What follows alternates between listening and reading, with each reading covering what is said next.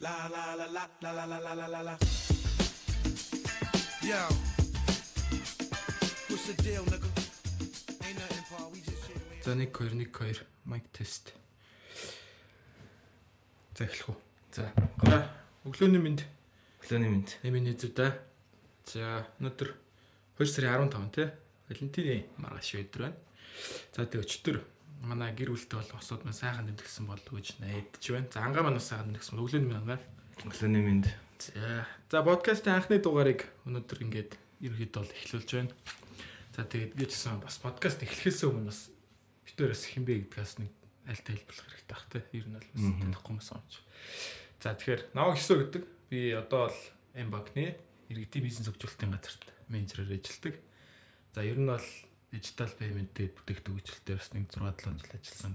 За ийм гайна. За ханга. За, намайг хангаа гэдэг байгууллагын бүтээгдэхүүн хөгжүүлэлтийн газрын product designer. Тэр нь product designer-аар ажиллаад нэг 3 жил 4 жил болж байгаа юм лөө. Тим хоёр хүн байна. Тэгээд бид хоёр жил гарan бид хоёр ч гэжтэй ер нь айгу олон хүн ирсэн те. Тий. Жил гарan подкаст хий гэж ярьж байгаад. Тэгээ манай 9 маань харин шөнө өрөн цагаар нөгөө интро эдитлээд яг ажил хэрэг болгож байгаа. Тэгээд ингэ нэгдхнийхаа дугаарыг бичиж जैन. Тэгээд элдоны ажил чинь эхлэх нь бараг ажлын тал нь байдаг гэдэг. Гээд байгаа шүү дээ. Ямарч байсан тэгээд жил гараа явж явж байгаа одоо эхэлж байна. Тэгээд цааш та гайгүй явчих байхаа гэж бодод шүү дээ. За За за. Өсөө эхлэх үү? За, Бэлцээ юмнуудаас. Бэлтээ гэж мань зүгээр юу яа гэж бодлоо өнөөдөр зүгээр. Эхлээд юудсан бас нөгөө подкаст маань ер нь зүгээр яг яах байгаа ямар хэрэгтэй юм те гэхээр ер нь бол нэг хүнд нэг тийм бас мэдлэг их өгöd байх юм бол байхгүй. А зүгээр битээр зүгээр ер нь бол нэг 7 хоног болох энэ бизнес ертөнцтэй ер нь энэ pop culture мал чи ер нь яг юу болоод байгаа ингээ ойргийн тойронд юу болоод байгаа гэдэг тухай мэдээллийн шин чанартай ярилцаад ер нь зарим нэг юмыг жоохон нэлээд бас задлж ярихыг бас чадах ятгаар үзэх бах. Тэгээд бас зочин мочинтай бас хийнэ байгаа шүү дээ. Тэгэхээр ер нь бол нэг ийм ерөөхдөө үндсэн зорилготой байх болов гэж бодож байна. За тэгээд юу ч гэсэн хөнгөн мань нэг сэдв эхлэх гээд тэрний гэхлээр өглөө босоо харсан чинь өчтөр Валентины баяр гээд Marvel-аас нь бол мэдээ гарсан байна. Тэрний юу гэхээр Fantastic Four зарлагдчихэ. За тэгэхээр өмнө бол нөгөө Fantastic Four дээр Педро Паскал тоглоно гэдэг явуулсан шүү дээ. Тэгээ яг конфирм тасан байна. Нэг постэр гарсан лөө. Өчтөр шин. Тэгээ тэрийг өглөөл харлаа сэрэнгүүтээ. Өглөө гэдэг нь одоо бол 7 болж байна. Аа амар амбицтэй. Тэгээ амбицтэй эхэлж байгаа. За тэгээд аа ер нь бол гол дөрүүд нь л мэдээж нэг юм дөрвөн байгаа. Тэгэхээр тэр хэд нь юу гэхээр Педро Паскал мэдээж манай нөгөө Рид Ричардс тоглож байна. За тэгээд Vanessa Kirby гээд Sue Storm энэ бол ч гэсэн мэдэхгүй юм бэлээ. Би бол юун дээр л ирсэн. Mission Impossible дээр гардаг баг шүү лээ. За тэгээд The Thing буюу маа чулуун болохоор Ebon Moss гээд юу нандаа сая дөр бүтээдэг хүмүүс байлаа. За тэгээд Human Torch болохоор Joseph Quinn буюу нөгөө хин Stranger Things тоглодог гэсэн залуу. Eddie тий. За наацаалагч бол өстой мэдэхгүй. Харин тий ер нь бол хүмүүс нэх мэдэхгүй. Pedro Pascal-аас бусдын бол нэг сон Тий. мэдэхгүй дөрөв дэх шиг болоо. За тэгээд яг Joseph Quinn бол Stranger Things дээр бол алдартай болсон. Тэгээд за нэг ийм гоё мэдээ гарсан байна. За тэгээд нэгэнтээ бас кино ярьж ихснийх нэг гоё стат гарсан. Deadpool ер нь бол хамгийн их үзэлттэй 24 цагт хамгийн их үзэлттэй трейлер басан байна. 365 сая. Тэгэхээр нэлээд бас Marvel-ийн Hope бас болж байгаа юм болов уу гэдэг нь синэгээр гарч ах шиг байна. За тэгээд бусд нь бол ерөнхийдөө бол дандаа л яг ер нь бол Avengers, Avengers гэдэг энэ MCU-гийн кинонууд байдаг юм байна. Долоод нь бол яг Lion King 224 саяар бас ийм үзүүлэлттэй байт юм байна. За тэгээд хөнгөн сэдвэр эхлэгээд ямарчсан киноны тухай ярих гээд Deadpool чи MCU-г аварна маарна гэдэг л тий. тэг яг ч одоо өөрийгөө бас Jesus Marvel Marvel Jesus гэж нэрлэдэг ба шүү дээ. Дээрээс магадгүй баха. Би бас ч их сайн л hopeтэй байгаа. Тэгээд тэрийг эвтгүүл бол гэж найдаж байна. За тэгээд ямар ч цөглөөг бол нэг мөнгөн киноны мэдээгээр хүргэе гэж бодлоо. За тэгээд цаашаа явъя гэвэл өчтөр өчтөр жижигтэй энэ 5 6 хоногийн өмнө юм да. Lemon Press тэр мэдээ гарсан байлаа. Тэр юу исэн бэ гэхээр Монголын 8 компани захиурын хөндөд гарсан гэдэг амар том Амбицтай. нэлээ амбицтай мэдээ гарсан үлээ. За тэгээд 8 компани нь юу вэ гэхээр за маа Mizorn байна. За ICT Group, Intel Mind, Ondo, за тэгээд Gund Investment, Fibo, за тэгээд Tesla Investment, за тэгээд Gregor Systems гэсэн ийм компаниуд байгаа юм байна. За тэгээд Манай энэ 8 бол яг уу энэ Төв Азийн нэг ийм компаниудыг авчиад энэ ийм нэг ийм юу стартап маягийн тийм юу хөтөлбөр эхлүүлж байгаа юм да. Accelerator хөтөлбөр эхлүүлж байгаа юм да. За тэгээ тэндээс ерөнхийдөө бол нэг 30 сая долларын ийм venture ийм сангаас ерөнхийдөө ийм хөрөнгө оруулалт татах боломжтой ийм яг гоо Азийн нэлээд хэдэн компаниуд л байгаа юм шиг үлээ. Тэрнээс 8 компани одоо Монголын 8 компани бол манай хэд байгаа юм байна. За тэгээд яг гоо очиж байгаа нь сайшаалтай. Ер нь сайшаалтай. Гэхдээ би ер нь бол яг гоо эндээс яг гоо гайхсан юм нь бол ICT гүнд Teso 3 бол жоохон гайхсан. А ягаад гэвэл Teso гүнд хоёр л өөрөө нэг инвестмент газар шүү дээ. Чи гүндийг харж ирсэн юу ер нь? Арч сарч. Данаа нэг жижиг сэжигнүүдэд хөрөнгө оруулж юутай газар дээ. Ер нь бол акселератор мийг өөртөө акселератортэй. Тэгээ яг манай ICT-г энэ гур бол за maybe зүгээр өөрсөндөө байгаа жижиг сажиг төслүүдээ сайжруулаад тэрэн дээрээ бодвол хурцгаар мурцгаар аваад хөрөнгө оруулалт гэсэн зорилготой юм болов гэж харсан чи юу гэж бодож байна? Аа гүнд болохоор яах гэдэг юм шүү дээ. Аа Америкт хэрэгждэг хөтөлбөрүүдийг Монголд нутгшуулах, нутгшуулах гэдэг дунд нь дундын нэг тийм хийх гээд байгаа гэж магадгүй. Тесог бол би зөв саяхан л мэдж авсан л да нөгөө Улаанбаатар кофе яасан эсэмблээ нэг ямар ч сан 3 4 компани тэмдэглэж шүү дээ дотроо. Тэгээ ямар ч IT-ийнхаа юм хийх гээл жоо оролдоод байгаа юм шүү лээ. За ICT дээр бол та комент байхгүй. ICT чинь бас л эвгүй газар шүү дээ. Улс төртэй аяг холбоотой гэдэг. Тэгээд мэдхгүй. Гүнд дээр бол би тийм л авах гэж бодож шүү дээ. Өөртөө дунд нь ороод гадны хөтөлбөрийг Монголд хэрэгжүүлэх дээр нь л ажиллах сонирхолтой юм болов гэд. Тэгээ яг зөв энэ видео бол надад э, аа за за л гэж санагдсан дөө. Тэрнээс Тий, бас нэг тийм амар хоо зайста манай нэг ачаад алхан дээр гэсэн тийм бодол олыг шууд бол төрөөгүй. Гэтэ яг сайшаалтай тий. яг орлого Монголын бас нэрийг дурдж байгаа газрууд бас байхад бас сайшаалтай. тийм баг хүмүүс очсон шүү дээ. Энэ нөгөө юм нь үеэр их те Овчлсад нөгөө визагийнхэнтэй очвол Apple Map. Тий, тий, тий. Тэр үед л үед очиж ирсэн. Ер нь бол баахан зургууд яваад шүү дээ. Тийм. Ер нь хамаг л хейтүүдийг Тийм. Тэгэл группийн зөвсөл явж ирсэн. Урч ирсэн. За тэгэхээр нэг ийм Монголын талаас гэвэл нэг ийм мэдээ байна. За тэгээд ерөнхийдөө миний зөв мэдээний хувьд нэг ийм юмнууд дууслаа. Яг чи шууд пал болдоос эхлэх үү? За тэгээ тэгээ. За тэгээ миний бэлдсэн юмнууд гэх юм бол ер нь 24 он гараад хамгийн том үйл явдал тоглоом гарсан. Японы Pocket Pair аа, жижигхэн тоглоом Япон байсан юм. тэг Япон шүү дээ Японч хөгжүүлдэг компани Pal World гэдэг тоглоом хийсэн. А тэг хүмүүс тэрийг нэрлэхдээ бол буута Pokemon гэж нэрлэдэг. Тэгээ яг Pokemon-тэй за баг адилхан гэж хэлчих болох. Ер нь харахад бол яг л адилхан юм лээ бас. Яг адилхан тэгээд нөгөө явж байгаа Pokemon-уудыг өөртөө оруулж аваад тэ тэгээ өөртөө ашигладаг, хамт хамтрагч болдог. Тийм тоглоом. Тэг яг өөртөө болохоор бид нар Pokemon-о санаа аваагүй бол гэх гээд байгаа юм баг. Харин Ark Survival ч юм уу Rust тэргээ team survival тоглоомнуудаа санаа авсан гэдэг. Тэгээ яаж харсан нөгөө Pal World-ийн Pal-уудын дизайн бол яг л Pokemon л бараг л байгаад байгаа л да. Гэтэ яг бас харахаар угаасаа тэр нөгөө тоглоомынх нь бас яг тэр ерөнхий бүтц мүтс нь угаасаа тэр Rust Mast те Тийм дээ. тэднэртэй бол мангар адилхан. Тийм. Тэгээ яа ч палууд нь бол Pokemon хэлж Шалаад нь л Pokemon байгаа. За тэгээд юу н гайхалтай вэ гэхээр эн чинь маш богино хугацаанд маш хүн худалдаж авсан л тоглоом болчихсон. амар ихтэй билээ үү те. Амар актив. Гэтэ одоогор beta access 30 доллар гэж Steam дээр. Нэг хоёр платформ дээр байгаа шүү дээ. Xbox дээр нэг явж байгаа. Steam дээр явж байгаа. Тийм. За тэгээд Steam дээр сүүлд 2 сая 1-ний байдлаар чи нийтдээ 12 сая хувь зарагдцсан гэдэг ч аа.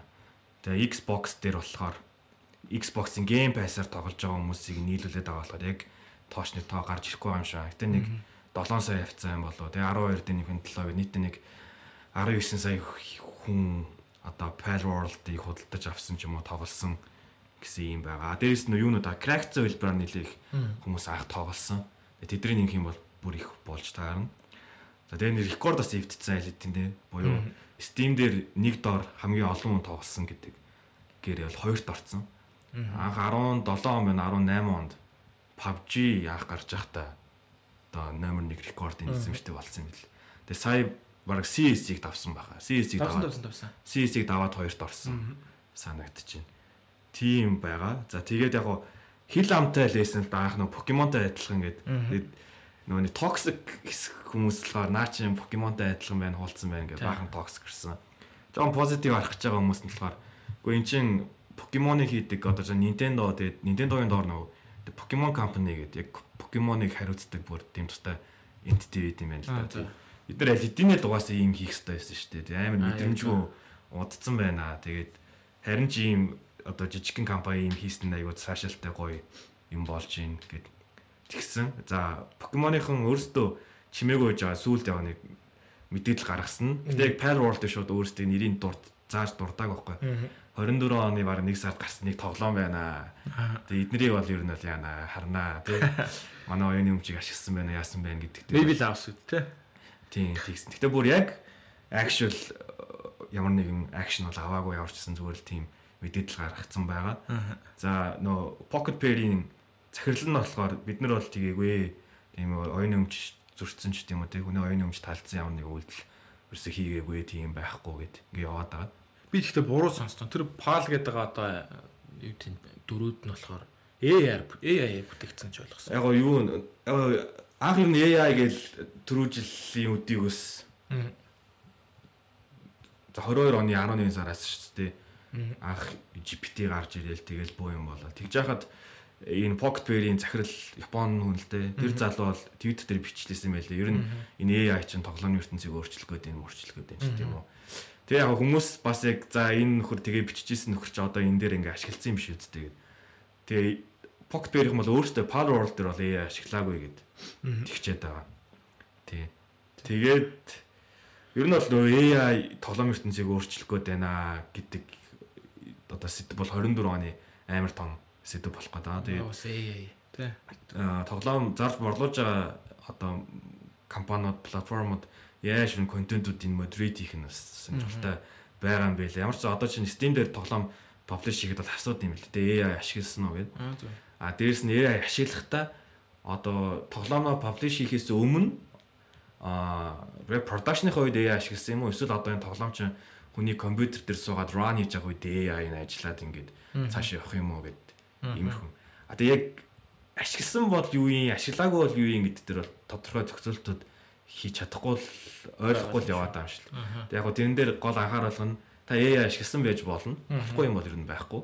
Гэтэ ямар нэг өөр компани ч юм өөр хөвөний оюуны өмчөд халтсан байж болохгүй шүү л гэдэг нэг тийм л юмтай яваад байгаа юм билээ. Аа одоо тоглоом дээр хүртэл гэж асуудаг үлдсэн юм шүү дээ те. Тийм, тоглоомнуудаас асууж байгаа. Spotify энтертэй нөгөө одоо нөгөө дуу оруулахад нөгөө бас шигс нөгөө асуудаг болцсон гэж би ойлгоод байгаа шүү. Тэгсэн байх ба. Ер нь тийм AI-ийн гар хүрсэн газар болгон тэгээд асуудаг. болцоод байна гэж болсон. Яг нөгөө яг нөгөө дуу AI генератлэнгүүд тэр чинь ямар нэгэн дууг л сэмплтж л авч байгаа шүү дээ. Тэгэхээр sample. хин нэгний оюуны эмчийг ялч хөндөд байгаа юм шиг байна гэж л бодоод байна гэж ойлгосон. Тэгээд би бас нэг зөвөр уншиж явж байгаа нэг юм харсан. Инээдтэй юм харсан нөгөө Покемоны fanboys-ууд маа нөгөө Pal World-ийн нөгөө хөгжүүлэгч нар руу ер нь бол алла шоу бэр шоу та дуурлаа мөрөлөө гэж нилээн бас санаалга явуулж нилээн айлгаад байсан баг шүү лээ. Аа, Тэгээд маа захирал махирлан тэгсэн юм шүү. Та тэгээд манай хөгжүүлэгч рүү бити ингээ тэгээд үнэхээр явуулмаар байл над руу явуулаа гэдэг. Твиттерц юм уу да. Би твиттерлээ нэг чарсан тэрийг бол Тийм, ер нь ер нь энэ Power World-ийн мэдээнүүд төр бол Twitter дээр л их явж байгаа. Захирал нь өөрөө аяг ашигладаг тийм хүн байгаа да. Тэгээд э, сонирхолтой нь юу вэ гэхээр энэ чинь жижигхэн студ болохоор зардал аягүй багахаар хийцэн. амар багаар хийсэн. 6.7 сая доллар гэдэг. Чи хичнээн тэр бумын янжлээ. Аа. Тэгэнгүүт э, борлуулсан тоомоогоо батах юм бол амар. Тэр э, харьцаа бол айгүй амар. А Cyberpunk 2077 ч зөвхөн хөгжүүлэлтийн зардал нь 170 сая доллар гэдэг байгаа юм. Тэгээ дээрэс нь маркетингийн зардал гэж 140 сая доллар зарцуулсан гэж байгаа байхгүй юу? Амар. За тэгээд 23 оны хамгийн супер тоглоомч одоо Spider-Man гэдэг дээ. Тийм. Энд чинь нийтдээ 300 сая доллараар зарцуулж хийсэн гэдэг. Тэгэхээр э, маш одоо бага мөнгөөр э, супер юм хийчлээл гэж ойлгож болохоор. За тэгээ Pocket Pair-ийнхэн болохоор хүний нөөцийн дутагдaltaй болчиход байгаа бас. Тэгээ ер нь бол хөгжүүлэгч нар хайж байгаа. Одоо тэхэл байгаа л та. Тийм Гинт тэгээ томорч байгаа. Маш томорж байгаа ерөөс төсөөлөөгүй тийм Аа. юм болсон. Тэгээ хоёрхан юун дээр байгаа. а платформ дээр байгаа шүү дээ. Энэ нууг нь бол цаашаа өсөж болно. Гол нь хөгжүүлэлт их хүн хүчний асуудал одоо жоох хэцүү юм шиг л. Тийм. Тэгээ яг бас манай одоо сонсож байгаа хүмүүс нөө юу гэж магадгүй л дээ. Энэ хоёр яагаад ингэ тоглоом моглоом яриад байгаа юм бол бас бус хүмүүс бас мэдхгүй юм сэтгэл сүндэдэж магадгүй. Тэгээд яг эндээс би зүгээр яг юу дүнэлт хийж болох гэдэг нь ихэр нөгөө манай үг гэдэг дээ. Чи хийхгүй бол би хийгээд нэг үг гэдэг шүү дээ. Маа Покемон бол одоо баг хэдэн хэдэн хэдэн жилийн түүхтэй юм битээ одоо Аим шиг мөнгө олдог франчайз. амар л мөнгө олдог франчайз биднээс өгшөнтэй. Тэгээд манай хэд маань ерөөхдөө яа Покемон ингээд ийм олон жил болж штэ яг энэ Pal World шиг тоглоом гаргаж чадахгүй байгаа юм би тий. Тэгээ одоо гарч байгаа тоглоомууд нь л ерөөхдөө бол нэг тийм 2D маягийн тий. Зүгээр л Покемоноо ингээл хадгалж барьдаг тий. Яг нэг хэсэг утсан дээр нэг гарсан тий. Тэр бол нэлээд баяр болсон. Гэхдээ яг энэ Pal World чинь ингэж амар тийм олныг хамарсан яг тийм интерактив юм тоглоом бол хийж чадаагүй л байгаа тий. Тэгэхээр яг энэ бол яг бизнесийн хувьд бол бас нэлээд бас сургамж болж байгаа болоо тий. Тийм бизнес үед ер нь ер нь ерөөсөө фэнүүд нь бол мэдрэмжгүй л байна гэж хэлсэн л дээ. Нэг жайл дээр хийчих болох байсан. Тэгэхээр одоо нэгэн тэгээд хийцэн залуу компанид бол битгий садлал гэсэн. Яг Та юм яриад байгаа. Тэг яг ер нь тоглоомны индастри чинь аим шиг том болсон шүү дээ тий. Яг зөв. кино болон дуу хүчмийн салбарыг нийлүүлснээсээ ч том болцсон. Харин Аль тий. хэдийн нэ. амар үлээ. Би яг уржиг дээр харж ирсэн. Би 20 23 оны одоо яг муви индастригийн одоо маркет сайзыг харсан байхгүй юу? Аха. 91 биллион гэж хэлээ. Аха. 91 биллион доллар гэж байгаа. За тэгээд тоглоомныхыг харсан чинь 245 биллион доллар гэж. Аха. Тэгэхээр энэ тоглоом гэдэг юмний одоо одоо хичнээн их мөнгө эргэлдээд байгаа гэдэг бол нэлээд бас том хэмжээнд орж ирж байна Тийм. тэ. Чи энэ дээр бас би ч хамаадахгүй бас Disney-г бас ярих болоо гэж бодож байна. Тэгэхээр тэрэн дээр цаашаа явуулаад ярих бах. Тэгэхээр ямар ч сан гейминг индастри гэдэг бол амар том болцсон. Кино бол LED нэг үүсгээс яг кино бол угаасаа ингээл хүн кино театрт ороод нэг үзэл ерөөхдөө бол болно шүү дээ. Тий хангалттай интерактив биш байх л гэж Тийм, байгаа тэгээд юм кино. Тоглоом бол яг хүн тоглолцоод дотроо бол нөгөө мини косметик косметиктэй микро транзакшн ихтэй ер нь бол мөнгө нэлээд эргэлдээд байгаа газар болохоор ерөнхийдөө бол бас ийшээ том акулууд бас нэлээд анхаарлаа хандуулад сүүлийн жилүүдэд хандуулад байна Тийм. хараад байгаа. Акулууд анхаарлаа хандуулж байгааг нь яг юу venture capital firm-уд бол яг тоглоомны ертөнцийг гэх юм уу судалдаг тусгай аналистуудтай болцсон. Бүр яг багуудтай болцсон л нэ. Андерсон Horowitz бол бүр яг тоглоомд хөрөнгө оруулдаг партнеруудтай. Тэгээд тэр зах зээл дээр анализ хийдэг аналистуудтай болцсон. Тэгэхээр э, яг одоо видео гейм гэж нэрлэхэд болчиход байгаа. Interactive entertainment гэж нэрлэдэг байгаа. Тэгэхээр энэ бол бас бидний ойлгодог тоглоом мэдээс бүр халиад аваад гарцсан юм болох гэдэг. Тэгээ interactive entertainment нь багадгүй нөгөө юу орж ирээд байгаа байхгүй. NFL-ийн тоглолтыг одоо чинь Vision Pro-гоор үздэг ч юм уу. Тэгээ дээрээс нь хардаг ч юм уу эсвэл хүссэн одоо өнцгөөсөө хардаг ч. Тэгээ NBA-ийн тоглолтуудыг бол бүр тэгээ одоо All Star-ийн үеэр аягүй гой гой технологи танилцуулдаг шүү дээ. Slam Dunk-ийн тэмцээний 360 мар камераар айл тийм. өнцгөөс нь харж мардаг ч юм уу. Тэгэхээр иймэрхүү юмнуудыг бас ер нь багтаагаад байгаа интер- interactive entertainment гэхээр зөвхөн тоглоом тоглох ч юм уу зөвхөн бага насны хүүхдүүдийн оролтыг муугасаа биш болсон. Аа, маш том салбар болсон байна. Гол нь AI бас гарч ирснээр нөгөө тоглоом хийх процессыг хөнгөвчлөөд тэгээд зардлыг багасгаж байгаа тийм юу байхгүй. Одоо судалгаанууд юм тоонууд Мгм. ажиглагдаж байгаа. А дээрэс нь тоглоомны ертөнц чи одоо чинь Roblox чи амар том ертөнц ч тий. Тэнгүүд чинь Roblox чи ямар нөгөө категорид хамаарат байна гэхэлэр user generated content оруулж болдог тийм платформ. Яг за. Тэнгүүд нөгөө user generated content-оос нөгөө generate хийж байгаа user-ууд чи өөртөөс орлого олох боломжтой болоод эхэлж байгаа. А гэхдээ тэр хүмүүс нөгөө контентоо их тас бүр амархан болчихж байгаа. AI ашиглаад тийм Тий. янз бүрэл 3D asset-ууд хийх а, 3D модель энэ төр хийх зардал бол бүр үлэмж бараг хэдэн зуун дахин буурсан гэдэг тийм тоо гараад байгаа. Тэгэхээр зардал багасаад байгаа. Тэгээ мэдээж computing power бол байнга л ус тасралт үүснэ мэдчихэж байгаа. Тэгэхээр энэ бол ирээдүйдээ салбараа гэд бүгдээрээ л харж лээ л да. Харин тий. Roblox ч гэсэн бас яг нөгөө стил чи хийхгүй бол би гэдэг жишээ шүү дээ. Minecraft анх бас яаж гарч ирлээ те. Тэгээ Minecraft хөгжихгүй байсаар байтал араас нь Roblox гарч ирээд бүхлөт нь нэг генерашныг одоо ингээд эзлээд авцсан нэг тоглоом байдаг шүү дээ. Одоо ер нь одоо бага насны хүүхдүүд бол Roblox-оор л одоо амьсгалж байгаа шүү дээ. Ер нь бол одоо тэгэл хичнээн ч доллар зарцуулаад байгаа юм. Тийм ер нь тэгэхээр тоглоомын салбар нөгөө томорсны нэг шалтгаан чинь финтекүүдийн хөгжиж шүү дээ. Тийм баг. Одоо чи манай Монголоос бол жишээ нь Montpellier дэ Steam-ийнхаа wall-ыг цэнгэлж мэргэлдэг. Энд чинь баг Montpellier-ийг ашигладаг зарим хүмүүсүүд бол цаар ганц л фичер нээсэн шүү дээ. Тэгэхээр банкуд за банкудаас айлаад финтекүүдийн дижиталчлагдж байгаа ч юм уу энэ өөрчлөлтүүд бол энэ тоглоомны ертөнцийг уус шал өөр болох хэвчтэй. Microtransaction-ууд бол маш амархан хийгддэг Easy болсон. saver Тий. одоо one click шүү дээ ер нь. Steam-ээс тоглоом удаж авах бол бүр үнэхээр хамгийн амархан зүйлсүүд нь болцсон шүү дээ. Тэгэхээр энэ бол нэлээд нөлөөлжлээ гэж Тийм тэгэхээр тийм санхүү хэлбэр бол тоглоом томроход бол амар нөлөөлж байгаа. Яа. За окей. За тэгвэл next дөрвөө.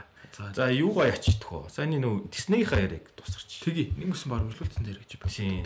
Walt Disney компани Epic Games гэдэг тоглоомны компаниг а 1.5 тэрбум доллар зарцуулж тухайн компани хувьцааг авсан гэдэг. 10% тэнцэх хувьцаа ажиллаж шүү дээ. Тийм үү. Миний харснаар бол ер нь мэдэхгүй байгаа даа л гэдээсэн. Ер нь бол valuation нь бол Epic Games-ийн valuation-ыг бол зарлахгүй байгаа юм шиг бил. За тэгээ Epic Games чинь бол бидний бүгднийг мэддэг Fortnite-ыг хийдэг. За тэгээд Unreal Engine-ийг хийдэг компани шүү дээ. Нэлээд том байдаг шүү дээ. Тийм. Тэгээд а, Walt Disney ч бол өмнө тоглоом хийдэг студиудтэй байж үзсэн. Ер нь бол яваагүй Star Wars-ийн нэг баахан тоглоом хийсэн. Тэгээ нэг гаргаж байгаа анимашнуудынхаа бас баахан тоглоомнуудыг хийсэн. Тэгээд ер нь бол амжилтгүй байгаад исэн. А одоогийн энэ худалдаа авалт чинь бол нэг тоглоом хийх гээд байгаа даа биш гээд байгаа. Ерөөсөө л энэ Metaverse гэдэг нөгөө Disneyland-уудыг илүү тэгээ Metaverse-лэг болгох ч тийм үү. Experience-ийг илүү immersive болгох. Тэгээ Disney Experience гэдэг бүр тийм компани байгаа даа шүү дээ. Энэ Theme Park-уудыг хариуцдаг. Тэгэхээр энэ experience гэдэг үг альд нь орцсон. Тэгэхээр одоо бүр аа Unreal Engine-ийг ашиглаад ч юм уу те бүр бүр super im- immersive experience хийх гээд байгаа л зорилготой юм шиг гол зорилго нь. За яг Fortnite дээр энэ хамтрлын үр дүн Fortnite дээр аа Disney-ийн IP-нуудын одоо загвартай дөрүүд ч юм уу те аватар аватар 9 шидийн нэг тиймэрхүү юмуд бол мэдээж орж ирэх юм шиг л. Тэгээ гол зорилго нь бол Metaverse. Айл айл талаасаа тэгтээ нэг гаргасан аль биесны мэдэн дээр ерөөсөн Metaverse энэ гэж дуртаагүй л гэдэг. Гэхдээ Walt Disney компани бол угаасаа тийш явна буюу сайн ярьсан нөө interactive entertainment-д бол заавал энэ Metaverse-ийн тухай яригдана. А дээрээс нь юуны Epic Games гэх компани чинь Sion бол өөрөө байнга л асаараагаа бол Metaverse л гэж ярьдаг юм байна л да хаасаагүй. Тэгэхээр энэ бол Metaverse шиг гэдэг наа л гэсэн тийм мэдээ. Ба. Тэр Disney Experience чинь бүр амар ганцаар юм байл шүү дээ. Бүр хичнээн одоо судалгааны дотор багуудтай амар эрдэм шинжилгээний багууд магууд докторд мохтуудтай саяхан нэг шиг технологи гаргасан байлээ. Тэрний юм явдаг шал заяа. Чи харсан уу? Гүү хараа. Дээр нь одоо ингээд хүн зогсоод явангууд яг л ингээд тухайн газараа ингээд зогсож байгаа. Гэтэ ингээд яг одоо жишээ нь үүд метаверс ороод явхад э, яг тийм нэг юм нативыг нэг алхаж байгаа филинг л өхөл юм байна л тийм. Тэг явдаг юм хексагон юм тавцсан байхгүй. Аа баг харсан байна. Бараа санчих шүү бол. Тэрийг танилцуулж ирсэн. Тэр бол нэлээ хөрөнгө зарцуулж байгаа марцуулж байгаа. Одоо бодвол би яг тэр одоо яг Epic Games-тэй хамтраал тэр одоо Disneyland-д тийм бүтэн тийм metaverse болох болох те. Тэрэндээ зөвлөж нэлээ хийж байгаа юм. За тэгээ дээрэс нь нэмээ тэр одоо кино продакшнууд LED явж байгаа шүү дээ. Тэр кино продакшнуудад нэлээд тэр одоо хэрэгэл тэр нэг ийм платформ шиг юм а нэлээд ашиглах гэдэг юм гэж харсан. Тэгэхээр нь бол нэлээд тэн дээр үз тарж байгаа гэж би ойлгосон. Нэлээд ч мөнгө зарцуулж байгаа юм гэж харсан. Тэгээ бас нэг тийм кейс байна. Disney-гийн CEO чинь Bob Iger гэдэг хүн байдаг. Robert Iger ч лээ Аха. нэр нь. Тэгээд Pixar-ыг Disney-д авсан шүү дээ. Тийм. Тэгээд ер нь бол домог. Тэгээд Walt Disney бол сэргээсэн хүн. Тэгээд а тэтэртэй гарцсан байж байгаа буцаж ирсэн байхгүй юу. Буцаж ирэхээс өөр аргагүй болсон юм яасан. Тэгээд буцаж Дуудаг да даагаар. Тийм дуудагдаад буцаад ирт. Тэгээд буцаж ирээд ийм юм хийж байгаа. Тэгээд нилээ вижнер юм ондог хүн болохоор гайгүй оновчтой юм хийсэн болоо гэсэн л хэлдэг тааш. Тэгэхээр ялчгүй ингээд бас одоо энэ гейминг индустрид ашиглаж байгаа технологи тэгээ үний нөөц юу гэдэг те энэ бүх юм бас нэлээ ингээд Disney хүртэл ингээд хөрөнгө оруулаад байж байгаа гэдэг чинь бас ер нь бусад акулууд ч гэсэн нэлээ хараас болж байгаа. Тэгэхээр нэлээ л том салбар болж байгаа гэдэг бол олон фактороос мэддэгдэх нэ. За 9 маань дараагийнхаа яг яг. За тэгээ. За би юу ярих гэдэг вэ гэхээр 2024 онд яг одоо нэг энд тэнд бичигдээд байгаа харагдаад байгаа юм юу гэхээр шин төлбөр тооцооны railway буюу одоо шин опшн гарах гээд байна уу гэдэг нэг юм сэдв байгаа даа. Тэр нь юу вэ гэхээр pay by bank гэдэг ийм одоо төлбөрийн функшн гэдэг. За энэ бол яг хуу юу вэ гэхээр ерөнхийдөө бол хоёр дансны хоорондох төлбөрийн үйлчилгээ. Одоо ер нь бол яг хуу Америк за Америк гэлтгүй ер нь тэр одоо э, Америк, Европ, Европ одоо гол түгээмэл нь юу гэдэг вэ гэхээр мэдээж кредит карт. Ер нь кредит карт зорьтой шүү дээ. Ер нь яагаад энэ A2A буюу энэ Pay by Bank ажилтгүй байсан бэ гэхээр хамгийн гачлантай юм нь ерөөсөө юу real time байгаагүй. Америкт одоо жишээ нь гүйлгээ хийхэд тэгээ maybe ер нь бол нэг ажлын 2 3 өдөр зарцуулдаг. Тэгэхээр тэр бол амар том сул тал байсан учраас энэ Pay by Bank гэж юм нууж ажилтдаг байсан. Тэгээд ер нь тийм ч учраас ер нь Америк энтерд ер нь яагаад энэ дижитал wallet юм хөгжөөд байгаа хөгжсөн бэ гэхээр ер нь энтэй л холбоотой. Тэ тэнд одоо одоо жишээ нь анх Venmo гарч ирсэн тэ. Venmo гарч ирэл хүмүүс хоорондоо real time ингээл гүйлгээ гэдэг хэлэхэд тэгчнээ амар тэ хүмүүс амар вау шууд real time одоо гүйлгээ гэдэг болсон байна болсон байна гэл хийж гарч ирж ирсэн тэ. Тэгэхээр тэрний гол фактор нь ерөөсөө тэр л байсан. Ерөөсөө ажлын 2-3 хоногт банкуд хоорондоо гүйлгээ хийдэг гэсэн. Тэр бол ерөөсөө сонсоход бол инээдтэй ер нь бол тэр. Гэхдээ яг бас нэг юм төлбөр тооцоотой холбоотой юм бас юу л байсан юм шиг байна л да нөгөө мөнгөний асуудал асуудалтай тэр диспьют диспьют үсгтэй холбоотой учраас ер нь бол 2 3 хоног байлгатай юм шиг байсан юм шиг байна. Терроризм, терроризм Тийм, нь холбоотой Америкчин нэлийн нэлийн чанга учраас Тийм байсан юм шиг байна. Тэгээд одоо бол яг хуу яагаад энэ A2A н орж ирээд байх юм яг хуу энэ real time руугаа нэлээд бүгшлээд байгаа. Тэгээд дээрэс нь энэ real time-ыг энэ одоо энэ гүйлгийг энэ settlement хийж байгаа хөгжүүлж байгаа газрууд бас нэлээд олон болох гээд одоо энэ Blade гэдэг ийм газар байгаа байхгүй юу. Энэ Blade гэж газар нь юу байсан бэ гэхээр ер нь 2016 оноос хойш 14 оноос хойш ажиллаж байгаа газар юм билээ. Нэг хоёр залуу бол ерөөсөө стартапаас нь үсгээл хөгжүүлэл явуулсан газар. гой компани шүү. Тий. Энэ бол анх Venmo гарч ирэхэд ер нь Venmo бол одоо ингээд хүмүүс хоорондын peer to peer real time байсан мөртлөөс тэрний арын яг үндсэн мөнгөн гүйлг нь бол нөгөө Venmo банкуд руу нөгөө гүйлг нь хүмүүсийн гүйлг ингээд багцаж жагаад Аа. тэгээ банкуд руу ингээд хэд хоногийн дараа өгдөг гэсэн юм байл та. Тэгээд за за болбол энэ юусе бүтэхгүй мэн гэж байжсэн чинь плейдийнхоо орж ирээд бид нарт тийм юу байна технологи байна бид нар ингээд банкуд руу та нар ингээд real time гүйлгээ шийдчих тэгээд дээрээс нь бид нар респонс өгч гэдэг юм. Модель өгчүүлсэн юм газар юм байл л дээ. Тэгээд анх трийг хэлцүүлсэн шүү одоо хүртэл энэ муугийн ерөөхдөө бол бэкэндийн систем дээр нь залгаатай байгаа юм газар. Тэгээд нөхдүүд ер нь бол бидний мэдж байгаагаар бол ер нь бол юу гэхээр манай corporate gateway гэдэг үйлчлэл байгаа байхгүй ер нь бол. Хүн мөнгө хийлээ эргүүлээд окей энэ дасан чи орсон байна гэдээ одоо юу гэдэг мэдээг нь өгчдөг ийм л газар байгаа. Тэгээд а Pled бол одоо ингээд а 2020 онд яасан бэ гэхээр 5.3 тэрбум доллараар Visa acquire хийсэн байгаа. Pled-ийг. бүтнээр нь үү? Одоо бүтнээр нь ч юм уу хэдэн байр Арай бүтнээр нь шүү. арай бүтнээр нь ш. Гэхдээ ер нь нэлийн хэсгийг авсан юм билээ. А тэгсэн чинь юу болсон бэ гэхээр 8 сарын дараа дараа Америкийн Department of Justice гэж газар байгаа шүү дээ. Эндээс тухайн acquire-ыг болиулсан ба. Яа яасан бэ гэхээр та нар яг энэ онлайн debit transaction хэтэрхий одоо монопол болох гэдэг байна Visa-г гэд болиулсан байгаа.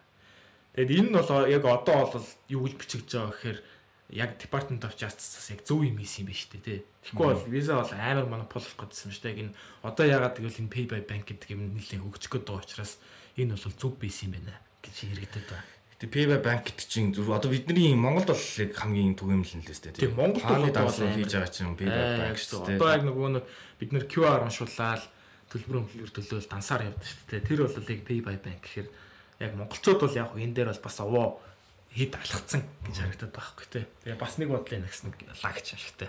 Нэг бодлын нэг юм нөгөө талаас нь юу батж байгаа юм шиг. Давуу тал нь бол шимтэл байгаа байгаа шүү дээ. Картнаас байгаа байгаа. Тэгээд яг уу яг ягаад одоо гэд яригадад энэ Payback Bank гэж яригадад байна вэ гэхээр бас л нөгөө тэр кредит карттай харьцуулагдаж эхэлж байгаа байхгүй.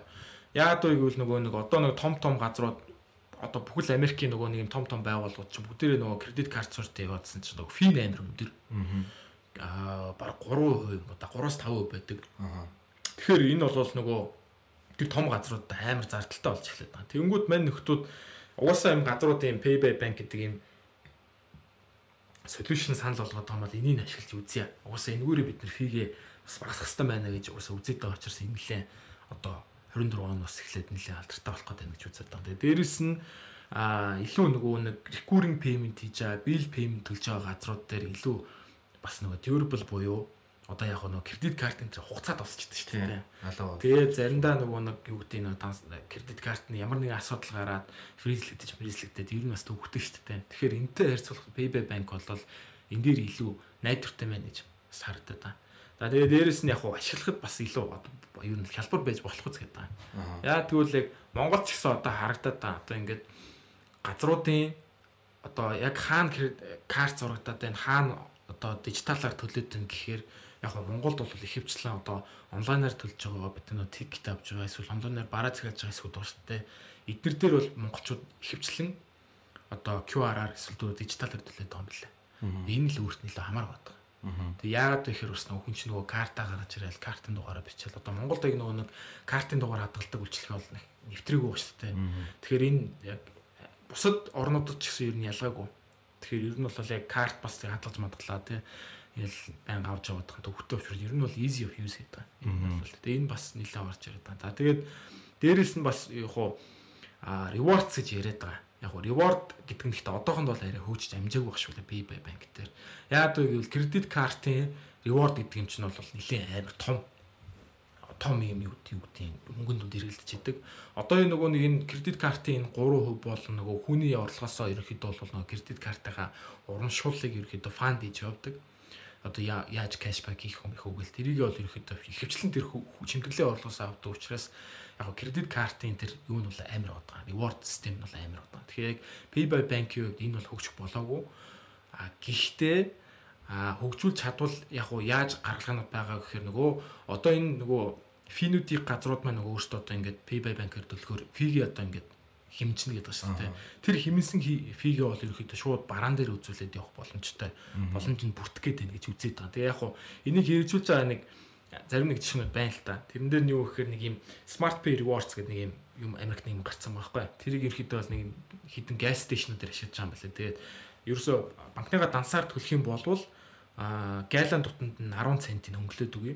За тэгээд 80 галлон тутанд нь free coffee үгүй гэдэг ч юм уу те. За тэгээ дээрэс нь point цуглуулж байгаа энэ convenience store дээрээс item авдаг ч юм уу те. Нэг ийм бас юм бол орж ирээд байлээ. За тэгээд өшөө бас яаж энэ одоо яг дансаар төлж байгаа дээр нөгөө нэг reward-ыг сайжруулж болох вэ гэдэг дээр нэг амар сайн яваад байгаа газар нь би бол нөгөө Японы PayPay гэж хардаг.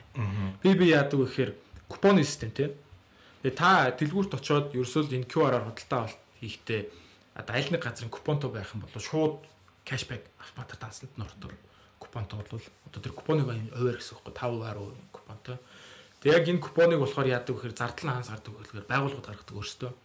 Байгууллагууд шууд өөрсдөө нөгөө купон генерит хийх боломжтой байдаг. Тэгээд тэр генерит хийгээд яагаад ер нь тэр байгууллагууд генерит зардал гараад генерит хийх юм гэхээр аюу тийм динамик юм байл л та. Яагаад динамик вэ гэхээр одоо жишээ нь CEO одоо жишээ нь 60 салбартай шүү дээ. За 100 салбартай гэж бодъё. Тэрнийх нь одоо нэг maybe 30-т нь ингээд одоо трафик аягүй багтаа яж удаа. Зөвхөн тэр 30 дээр ашигладаг купон генерит хийж болт юм л. Тэнгүүд одоо юу гэдэг яг тэр орлого орохгүй байгаа 30 дээрээ ингээд трафик багтаа байгаа 30 дээрээ купон усгчмууд хүмүүс одоо юу гэдэг 10 20% кэшбэктэй купон усгчмууд хүмүүс тэр купоныг аваад тэр нэг одоо хүн орохгүй байгаа 10 20 салбар тэр хүн орж эхэлт юм байна л да. Тэгээд тийм учраас одоо яг трафик татж өгöd байгаа учраас бараагийн бүрслээд байгаа учраас ерөнхийдөө бол компаниуд өөртөө зардлаа гараад купон усгч чадаад байгаа юм байна. Тэгээд энэгээрээ бас нөгөө E2A-ийнхаа дансныхаа төлбөр тооцооны reward-ыг бас нэг шийдэд байна гэж харагдаад хэлээ. Энэ бол амар смарт мove ер нь бол PB-ийн хувьд бол би бол PB-д амар дуртай. Энэ PB-ийг ер нь дараагийн подкаст нар нэлээд дэлгэрэнгүй нэг бас ярий гэж би бодоод байгаа. За тэгээд а юуныхан одоо payment.com гэж нэлээд том сайт байдаг. Одоо судалгаа модлага нэлээд гаргадаг газар байдаг. Тэднийхэн бас энэ одоо яг 24 онд нэг юм шинэ энэ payment-ийн опшн гарах гэдэг нэг өдөр судалгаа явуулсан байна. Америкт нэг юм 2 3000 гаруй хүн. Тэр яг 2 3000 хүн гэдэг чинь цөөхөн л тоо. Бидний хувьд бол олон сонсож байна. Гэхдээ Америкт бол цөөхөн махаа үсэ. За тэгээд нөхдүүдээ судалгаа авсан чинь нэг юм хідэн key insight-ууд гарсан мэлээ. Тэгээд тэр нь юу вэ гэхээр 33% нь бол юу яах сонирхолтой байна. Би recurring bill мэлээ те.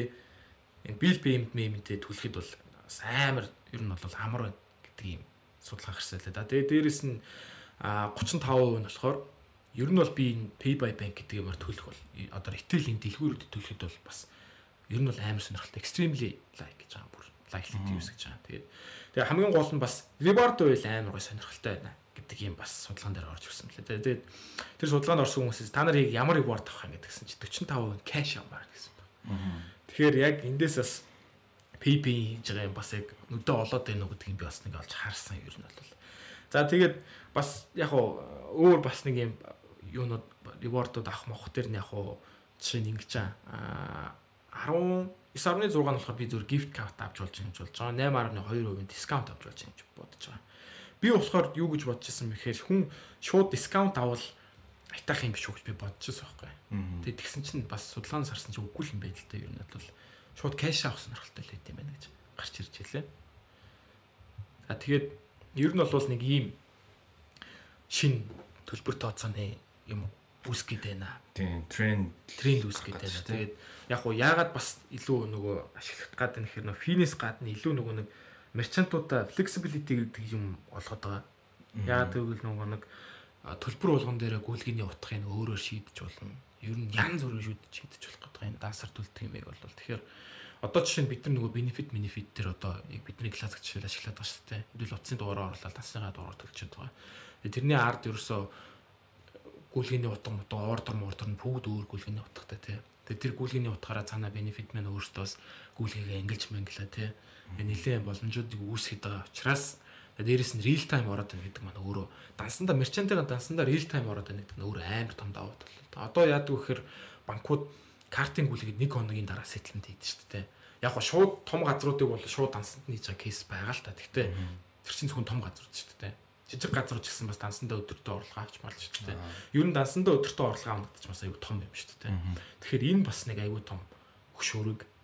Ер нь л тэгээд энэ A2A-ийг бол ер нь 9 жураар л ер нь хийвэл өстой кастомайз хийвэл хийх боломжтой байгаад байгаа ер нь бол. Тийм учраас ер нь нэлийн тренд болох гэдэг энэ да гэж харагдаад л байна да. харин ч маш их бичдэг болцтой сүүлийн үед. Тий, ер нь сүүлийн үед нэлээд л харагдаад. Тэгээд гайхан чинь шинэ юм уу гэдэг юм бол монголчуудад хувьд бол бас ерөөс шинэ биш. тий. Би бас ингээд анх тэрийг юу мөг харчаад ч одоо юу гэлээ гэж бодсон чинь яг л тэгэл Монголд явж байгаа л кейс л байгаа юм л та. Тэгээд энийг одоо бас яг хаа нэвтрүүлээд ийн үү гэхээр Uber бол нэвтрүүлсэн байлээ. Uber юутай хамтарч нэвтрүүлсэн бэхээр Stripe-тай хамтарсан лээ. Stripe-ийнхэн бол нөгөө нэг link гэдэг нэг юм сервис идэв шүү дээ. Link нь болохоор ерөөсөө бол one time one click-ээр ерөөсөө газ судалтай авалтыг зориулахтай юм extension гэдэг шүү дээ. Тэрэн дээр бол pay by bank гэдэг юмыг оруулаад ирсэн. За тэгээд Uber-ийг ашиглаж байгаа юм байна. Airbnb ашиглаж байгаа юм байна. За тэгээд дээрэс нь одоо Америкийн том банкуд ерөнхийдөө бол энэ pay by bank гэдэг юмыг хийх гээд нилээн хараад байгаа юм байна лээ. Тэгээ яагаад вэ гэвэл энийг нөгөө өөрсдөө нөгөө нэг финтекүүдтэй өрсөлдөх нилээн том хөшүүр гэж харж байгаа юм лээ. Тэгээд банкуд бол нилээн одоо л хараад эхэлсэн. Дараа нэг ийм кейс байна. За окей. Тэд би нөгөө нэг юугаараа подкаст байгаа дондор хоёлаа лайн лайныхаа нэг бүтэц үйлчлийн мэдээлэл өгүүлэх зүгээр юм болооч бодсон. Оо яа тий. Тэр ритейл дээр сүүлүүд юу ийгдэв, юу бодит орчинд ороод Аа. гэж чи яриад би корпоративаа ярих уу. За тий. Ер нь яг хоо зүгээр бас нэг энэ жилдээ юу харж байгаа юм гэсэн нэг бас нэг алт ортчтой. Тэгээ яг хоо зүгээр ритейлийн хувьд бол зүгээр энэ оны хагасд бол ер нь экос MCS экосистем гэдэг юмыг наашны холбоод банкн дээр авчирт наах маах тий Unitel-ийн төлбөрөөр төлөх мөлөх гэсэн нэг ийм ерөөхдөө үндсэн зорилготой байгаа. За тэгээ хамгийн сүүлд орсон бүтээгдэхүүн гэвэл SI буюу тогтмол шилжүүлэх үйлчлэг орсон. Хадгаламж дээр. Тэгээ энэ бол нэлээд бас миний хувьд бол нэлээд гой бүтээгдэхүүн гэж би бол харж байгаа. Тэгээ яагаад гэвэл нөгөө нэг яг банкудад одоо байдаг л үйлчлэгчтэй. Гэхдээ ер нь бол манайх бол арай өөр хамаагүй илүү гоё convenience гоё гоёор шийдсэн гэж би харсан. Тэгээд дансандаа бол хадгаламжийн дансандаа бол автоматар сар болгон цалингаасаа ч юм уу те өдрөө зоогоод ч юм уу те одоо өнгө хийгдэх хөрөнгөлүүлэх юм боломж бүрдэж байна. За тэгээд дээрэс нь gold deposit гэдэг шүү дээ. Зорилготой хадгаламж. Хідэн төгрөг хадгалах вэ? Ямар хугацаанд хадгалах вэ? Ямар зорилготой хадгалах вэ гэдгийг сонгоод тэгээд ерөөдөө эхлүүлж байгаа шүү дээ. Тэгээд ийм ийм хоёр функшн орсон. Тийм маш гоё. Ер нь хадгаламж чинь хадгаламжтай бол кэшбэктэй гэл те. Бид нэг кантарын судалгааны үр дүн харж байхад манай ер нь бусад бүх үйлчлэл бүтэц үйлчлэгтэй харьцуулахад хадгаламжийн хамгийн өндөр ашиглалтай байсан байгаа харьцуулангууд. Тэгэхээр яалтч юу хийж байгаа юм маань ч гоё байна. Дээрээс нь бас тэр нь маркетер хүрээд байгаа юм шиг лээ. Хүмүүс хадгаламж эми бол бас хадгаламжаар мараа мэддэг болж байгаа юм шиг. Тий. санагдсан шүү. Одоо бүр илүү баг мэдээд байгаа юм шүү. Саяны нөгөө Шангрилагийн кейсэс те. Тэр чи юу лээ? Мөнгө нэвэл. Мөнгө нь байл хаанчсан болдог гэдэг ба шүү дээ. Тэр бол тэгэхээр тэргүй дамжуулаад бас эми хадгаламж нэлээд бас олон төмөнд хүрсэн болов гэж бодож байна. За тэгээд энэхүү подкастыг сонсож байгаа бас энэ банкны ажлууд маань бүгдээрээ бас хадгаламжаа уусаа хадгаламжтай байхгүй ш нээд чинь. Тэ? Э бүгдээрээ одоо яг яг одоо ороод автомат шилжүүлэг гэдэг үйлчлэг хадгаламж руугаа ороод автомат шилжүүлэг гэдэг товч байгаа. Тэрэн дээрээ дараа бүгдээрээ тохируулж үзээрэй. Тэг хэдийн байгаль хадгаламжн дээр автомат шилжүүлэлт тохируулж болж байгаа шүү дээ. Шинээр нээж байгаа дээр очсон тохируулж өгч болж байгаа. Байгаль дээр зорилго тодорхойлж болж байгаа лөө дүнгээ болж байгаа хаа. Болж байгаа шүү. Болж байгаа болж исэн санагдах. За тэгээд тэгээс гэж хүсэж байна. За бизнес лайн дээр зөөнөж. За манай дээр болохоор одоо хамгийн түрүүнд э, татварын хөгжүүлэлт дуусаад одоо удахгүй лайв болох гэж байгаа. Тэгэхээр байгууллагууд маань регистрийнхаа дугаар дээр ирсэн тэхэмжлэгүүдээ түлж болдог. За тэгээ нөх хөрөнгөний дугаараар хайж болдог. Салбарууд дээрээ тусд нь харж болдог ч лөө тиймэрхүү хөгжүүлэлт орчиж байгаа. Тэгээд ер нь айгүй хөөрхөн хийцэн. Айгүй хөөрхөн хийцэн ажиллаж байгаа. А гэхдээ мэдээж э, сайжруулна шүү дээ. Яванда SI дээр ч гэсэн сайжруулгаар санаа зөндөө байгаа. Тэгээд татвар дээр ч гэсэн зөндөө гарч ирэх баг. Тэгэхээр сонсож байгаа нь иймийнхэн манаас юу сайжруулж болмоор байна. Шууд одоо хариуцж байгаа PM юм нь хандаж ирнэ бол болно. Тэгээд Жилүүд шүү дээ. Татварууд гэхдээ ер нь бол яг хуу зүгээр ингээд аль сонсоход бол аа татвар төлдөг болж байгаа юм л гэж бодож байгаа. ер нь сонсоод уйтахтай. Гэхдээ ер нь бол татвар бол яг байгууллагуудын хувьд бол нэлээд том үйлчлэг. Баян ерхэд бол төлөгдөж идэг. За ялангуяа банкус манкусууд бол нэлээд их татвар төлдөг. Яг бол машин энэ хөрөнгөлсөн байдаг учраас. Тэгэхээр нэлээд том үйлчлэг. Би гэсэн тэгээд аа юуг нэ интерфейс экспириенсийг харсан. Би бол нөгөө бус банкуудын нөгөө яг байгууллагын татвар үйлчлэг ямар үгтэй мэддэг. Тэгэхээр манайх бол харьцуулбал бол хамаагүй бас easy ер нь бол болсон байлээ. Тэгэхээр байгууллагуудыг ашигладаг нэгтлэнгуудад бас нэлээд таатай байх болол гэж би бас найдаж байна. Ер нь бол За Тэгээ би нэг юу ярьчихдээ юм уу? Монзогийн нэг юм харсан. за Тэрийг ярьчихдээ юм уу? тэг тэг. Би яасан бэхээр хэд хоногийн өмнө телеграф уншиж яваад Монзог арахгүй юу. Тэгээ тэгсэн чинь гарчгийн юу байсан бэхээр аа тренди Монзо маань одоо надад яг хүүхдийн банк шиг санагдаад байна. Одоо тэгээд би буцаад Barclays руу шилжлээ гэдэг юм гарчтай тийм. Надад бол нэлээ амар амар гарч сонсогдсон. Яг л бид нар чи бас адилхан бас нэг мөр зэрэгтэж байгаа нео банк харж өссөн баг шүү дээ. Бас манай рол модел шүү дээ. Тэгээд тийм учраас надад бас нэлээд сонир санагдсан. Тэгээд би явж ороод уншлаа. За тэгсэн чинь ингэсэн ба. За 2017 онд бас ингээд нөгөө Монзо эд төсөж явах үед нөгөө хүмүүс ингээд тий Монзогийн ингээд ингээм оранж карт гаргаж ирэл те амар флаш ингээд хүн болгон Монзогийн оранж карт марта зурж марал те тэгэл хүн энтэй ярангууд өө чи ингээд Монзотой болоогүй юм болоогүй юм уу гэл те. Тэгж асууж бисуу бол. Тэгээ энэ бол яг Монзо аваагүй хүний хувьд бол амар total game changer гэсэн гэж байгаа юм те. Вау ийм гоё карт марта болсон юм те хүмүүс бүгд Монзо ашиглаад байгаа юм уу гэл. Гэд байжсэн гэж байгаа. За тэгээд ер нь бол амар кул хийсэн гэж байгаа. За тэгээд ер нь бол тэ ингээд найз руугаа ингээд 20 долларын хэмжлэг хэмжлэг 20 еврогийн те. Хоол идэл хамт хувааж идэл тэрнийхээ юм уу хувааж тул тийм инвойс мөн хувааж явуулсан болол төлж мөлөөл гэж байгаа нь бол амар ингээд кул санагдчихсан гэж байгаа.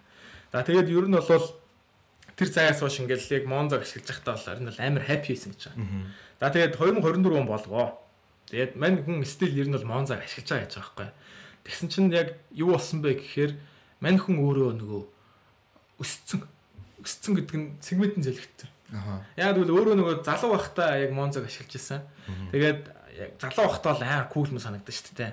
Тэгээд мань хүн бол одоо бол ингээд нэг юм өөр амьдралтай болсон гэж байгаа. Тэгээ нэг юм одоо зорилгууд нь өөр болсон. Тэгээд эренгүүт ингээд нэг юм Монзо нэг юм арай өөр юм санагдаад эхэлж байгаа гэж байгаа байхгүй. Тэгээд тэр нь яаж байгаа гэсэн чинь ингээд Монзод одоо ингээд нөгөө карт мартаараа зунгууд дээрээс нь шууд эможи умж ярьдаг шүү дээ. Нэг notification push notification орж ирдэг шүү дээ. Тэгээд тэр нь ингээд гэж. Аа одоо жишээ нь пиццаны газар ороо пицца хийдэнгууд арталтаа ингээд та ингээд пицца хийдлээ гэд пиццаны эможи энтертэй ирдэг шүү дээ ирдэг гэж байгаа байхгүй. За тэгээд энэ бол анх бол надад л cute санагддаг байсан гэж байгаа. Тэгээд тэгсэн чинь одоо ингээд тэг ингээ хүүхд мөхт болоод амьдрал нь өөрчлөд ирсэн чинь арай childish санагддаг болоод байна гэж байгаа. Тэгээд энэ бас үнэн л байх л та. Тэгээд ер нь бол ингээд одоо тэр хүн чинь ингээд өөрөө mortgageтэй болсон гэж байгаа. Тэгээд янз бүрийн зээлүүдтэй мэлүүдтэй тий амьдралынх нь ингээд priority нэрээ өөр болсон учраас Monzo нэг л тийм болохгүй байна. Тэгээ нэг юм арай л нэг юм залуу санагдаад байгаа учраас би эргээд нөхөртөөгөө ингээд ярилцчаад нэлээд удаан ярилцчаад ерөөхдөө эргээд Barclay луга шилжээ гэдэг юм ярьсан гэж байгаа. Тэгээд яг хуу Barclay руу эргэж шилжсэн чинь нөгөө Barclay чинь мэдээж branch энтертэй шүү дээ. Тэгээд branch энтертэй болохоор хүний харилцаанд орж мараад надад бол ингээд шал өөр байлаа гэдэг юм бас хариу өгч илээ. Тэгээд Monzo бол ерөөсөө цэвэр team customer service нь ерөөсөө web based хинтэж ерөөсөө ярихгүй одоо team үйлчлэг шүү дээ. Customer service-д тэрнцээ ярихад бол Barclay-тэй ингээд эргээд хүнтэй ярьсан чинь надад бол ингээд маш different ер нь бол баг сайхан санагдаад байгаа юм та.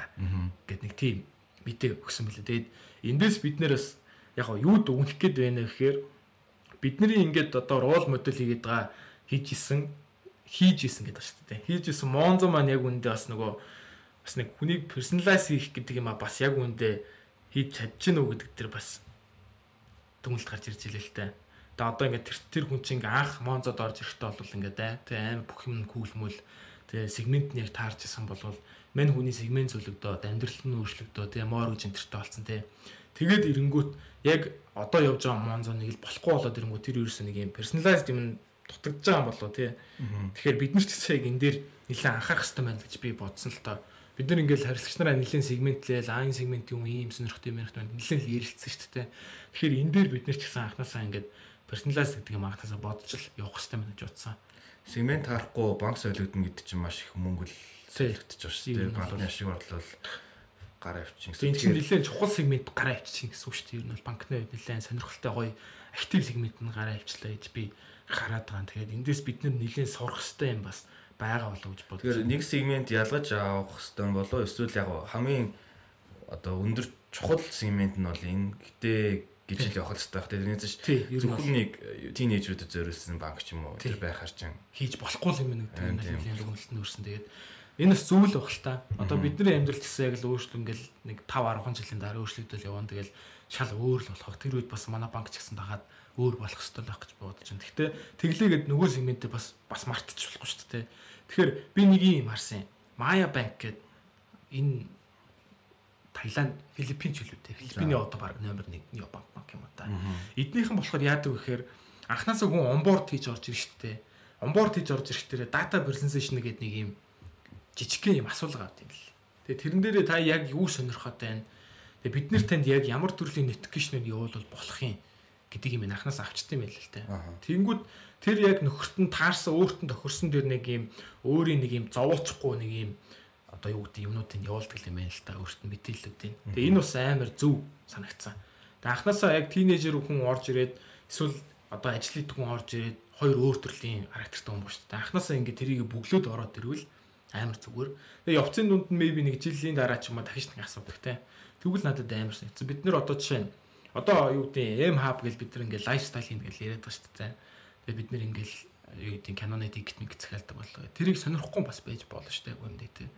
Зүгээр л цэвэр классик банкинг үйлчлэгээ авмаар байгаа юм байж болж шүү дээ. Тэгэхээр бид нэр энэ дээр нэлээд бас нихуур хандах хэрэгтэй болов уу гэж нэлээд бодогдсон. Тий.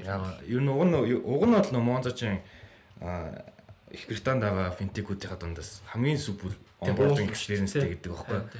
А дээрс Монзогийн нэг legacy нь юу вэ гэхээр Европ даяар Монзод ажиллаж исэн хүмүүс маш олон финтек хийж гарсан. Тэгээд супер супер юм хийж аваад жишээ нь миний сүүл санаж байгаагаар одоо анхны програмчилж болдог банк гэдэг тий хүн хүнж байгаа. Хүнж байж болно. Албан байгууллага өөрсдийнхөө нь дансыг програмчлаад автоматжуулждаг. Тэгээд чинь одоо ийм ийм татвар ирүүлдэ. Эсвэл энэ энэ хөрөнгөний дугаар дээр татвар ирвэл энэ татваруудыг шууд төлнө ч юм уу тий мануалаар хийхгүй а татвар төлөх гэсэн чинь магадгүй нөгөө нэг даасан дах хөлдөл хэрэг хөрөлцөхгүй байх юм бол шугамаасаа ашигланаач гэдэг юм уу ийм програмчлал хийдэг болж байгаа. Энэ бол одоо дараагийн тренд юм шиг байна. Тэнгүү тэрийг жишээ нь Монзод ажиллаж исэн хүн хийж байгаа. За тэр нь дурдах юм бол маш олон финтекүүдийг Монзод Монзод ажиллаж исэн хүмүүс гараад хийсэн байдаг. Монзогийн нөлөө бол айгүй том том амар том юм байна л. Энэ Нео банкнда ч гэсэн том шүү дээ. Тийм Монзо Starlink Revolut гэдэг л нэг гурван тул тулын гурван чулуу гэдэг шиг юм ба штэ. Monza Starlink 2 бол бүр нэлийн юу юм шиг үлээ. Миний ойлгосноор өөр level юм шиг үлээ. Тэгээ 3-аас 3-аас нь Revolut орж ирж байгаа юм шиг л. Би өглөө Monza-тай холбоотой Monza-гийн customer-ийн тооны нэг мэдээлэл авсан. Гэтэ тэмдэглэж аваагүй байна. Тэгээ нэлийн сайн тоол, сайн үзүүлэлтүүд гарсан харагдсан шүү. Тэгээд. Тэн дээр битсэн үн болохоор э, уламжлалт банкудад болохоор нь одоо л ерөөсөд үнээр үнээр л өрсөлдөх боломж байна. Өөрөөр бол experience center бол ста ударчлаа гэдэг нэг тийм юм бичсэн байсан. Гэтэ яг тэрийг дэлгэрэнгүй санахгүй л байна л да.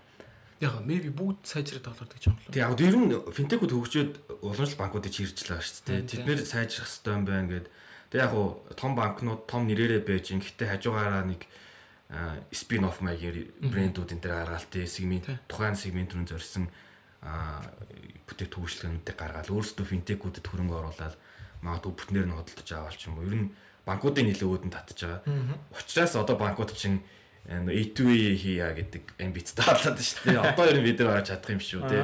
Аа нөгөө финтекүүд дэр хийгээд байгаа гой гой хөгжүүлэлтүүдийг ч юм уу гой гой дизайн шийдэл мэтэл те. Одоо бид юм- тусчих юм шүү да. Тэгээ одоо хүний нөөц талаас ааш тэр тэр соёл талаас ааш тэр бид нар бас хүчийг нь олдог болчихлоо, ойлгодог болчихлоо. Бид нар ойлгохгүй гэсэн ойлгодог нөхдүүд нь баг хөдөлж аваад хийлгэж гэдэг л юм бол очиж байгаа юм шиг л шүү дээ. Тэг нилээн өөдөн татж байгаа те. За ямар ч нэг юм монзот холбоотой мэдээлэл нэлээд анхаарал татаад тэгээд бас та нартай бас хуваалцъя гэд бариад ороод ирлээ. За ангагийн дараагийн зүйл дээр орох. За дараагийнх нь юу Shopify гэдэг одоо e-commerce платформ байна гэдэг байгаа шүү дээ. Тэгээд миний одоо хамгийн туртай компани шүү дээ. Миний role model компани. Shopify-ийн яад юм. Жилд 2 удаа том announcement хийдэг. Яг юу бол болохгүй. Бичлж хүмүүсийг уурайал ивент энэ төр хийхгүй. А гэхдээ Shopify Summer Edition, Shop- Shopify Winter Edition гэж хоёр хийгээд тэгээ том нөгөө танилцуулуудаа идэхгүй. Ийм бүтээгдэхүүнчлээ шинээр хийлээ гэдэг. А мэдээж яг дунд нь бол өдөр өдөр минь гэх юм уу байнгын апдейтууд орох нь бол орж байгаа. Тэгэхдээ том том өөрчлөлтүүдээ бол жилд 2 удаа зарладаг. За тэгээ сая нэг сард Shopify 2024-ийн Winter Edition гэж гарсан. А тэгээ тэрэн дээр бол бүр маш олон нөө AI маяг ашиглаад те зураг оруулчингууд энэ бүтээгдэхүүний зургийг ард нь ийм бэкграунд болгоод гэдгээс эхлээл ингээл нэлээд химэл оюунтай холбоотой өөрчлөлтүүдийг хийсэн. А тэгээд энэ дээр том өөрчлөлт орсон line of creditтэй болсон Shopify. Мгм.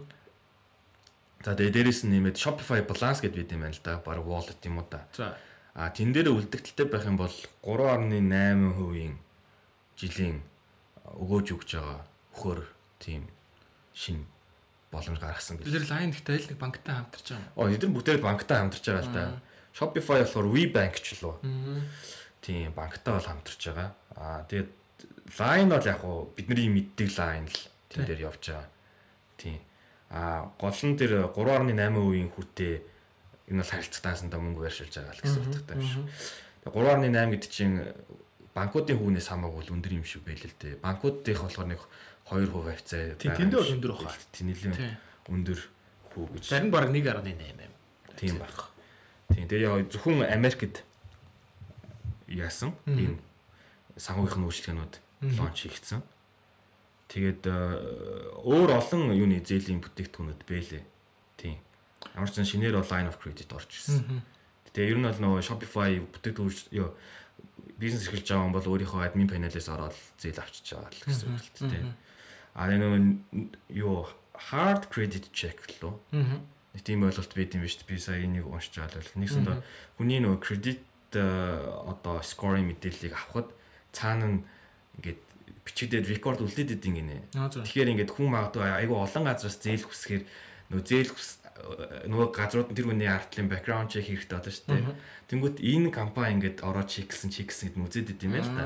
Тэнгүүт тэр нь ингээд хадгалагдаад үлдчихдэг. Тэнгүүт дараа нь нэг компани орж ирээд миний одоо чинь credit score-ыг харангуй гингүүд хангаа нэг те өнгөрсөн сарын дотор бүр 3 4 компанид request өгөөд 3 4 компанид consent өгөөд алидийн нөгөөдөлд ингээд кредит үзүүлсэн боيو. Нэгсэндээ ингээд мөнгө хайгаа яваад байгаа хүн ч юм уу те. Л юм л Энэ хүн ингээд санхүүгийн нэг э, бэрхшээл ч юм уу тулгарсан байж магадгүй. Тэр энэ credit score буурахад нөлөөлт ингэнэ.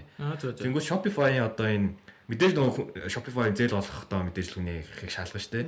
Гэтэ тийм hard check биш soft check гэдэг буюу Shopify тэр хүний credit score-ыг мэдсэн гэдэг бол тийм рекорд үлдэхгүйгээр тэгж авчих. Нилээ давуу тал юм шүү те. Тийм давуу тал. Гэхдээ яг одоо Shopify тэгж ин гэдэг нь магадгүй бүр амар detail мэдээлэл нь үзэж чадахгүй нэг тийм юуны өөр юм байгаль ахалтай хандах мэдээллийнх нь. Тэр нь бол э, хүмүүсийн credit score бидэнд нөлөөлөхгүйгээр Мм. шаардлагатай мэдээлэлтэй аваад тэгээд зээлж ирэхийг бодоод шугамж ирэхүүдийг үүсгэж өгч юм байна. гэдэг юм бэ л. Яг энэ бол финтекүүд дээр бол байдаг юм шиг л байл л дээ. Ер нь бол илүү софт руугаа л явж байгаа юм бэл. Хард бол ер нь бол хүндээ айгүй ээлгүй хэцүүл гэдэг Мгм. тийм байгаа. За тэгээд дараагийнх нь жижигхэн мэдээлэл болохоор Nvidia гэдэг компани маш тээ чип үйлдвэрлэдэг. Жижигхэн гэж наачад амар том идэ гэдэг шүү дээ. Ер нь бол миний хувьд бол. Э, Дэлхийн хамгийн өндөр үнэлгээтэй компаниудын дөрөвт орсон. Нэгж хувьцааны үн 739 доллар тэгээ нийтдээ компани үнэлээ 1.8 триллион доллар байгаа байхгүй. Тэгээд юу гүйцсэн гэсэн чинь Google-ийг Alphabet-ийг гүйцсэн. Аа яа яа. Тэгээд э, Amazon-ыг гүйцсэн. Аха. Amazon-ы доор Facebook байгаа гэд ингээд доош явж байгаа. Амар байна амар байна. Тийм. Тэгээ Тэгээд нөгөө сонирхолж хэлэхэд нөгөө Nvidia-г бас мэдгүй хүмүүс магадгүй шүү дээ. Тэн дээр нэг мэдээлэл өгвөл. Nvidia бол яг манай үеийнхэн бол багтаа нөгөө график карт тоглоом тоглоод компьютерт график карт суулгач бол гацдгаа давалдаг гэдэг юм. Тэгээд угаасаа тэгдэг гэсэн. Тэгээ Nvidia маань зөвхөн нөгөө тоглоомны индустрид яг гол баг маркет нь тэр үед бол тийм байсан ба. тий. Тэгээ сүүлд одоо энэ AI гэж э, хиймэл оюуныг хөгжүүлээд хиймэл оюуныг ажилуулахад тооцоолоход тий Шаардагдах. тэр Ер нь бол чип үлдэх газар шүү дээ. тий. Тэгэхээр нэлээд том- байгаа чипний цаатах архитектурын нэлээд том чип үйлдвэрийн газар гэдэг том тоглогч гэдэг. том архитектор тэгээд бүхэн AI гэж байгаа шуурх үед бол чипийг хийж ин гэдэг чинь супер бизнес гэдэг чинь нөгөө бүгдээр алтгах чивэл хурц зар гэдэг шиг Тий. тий. Бүгдээр AI гэж ивэл тэрийг нь ажилуулах чипийн арт нь хийж.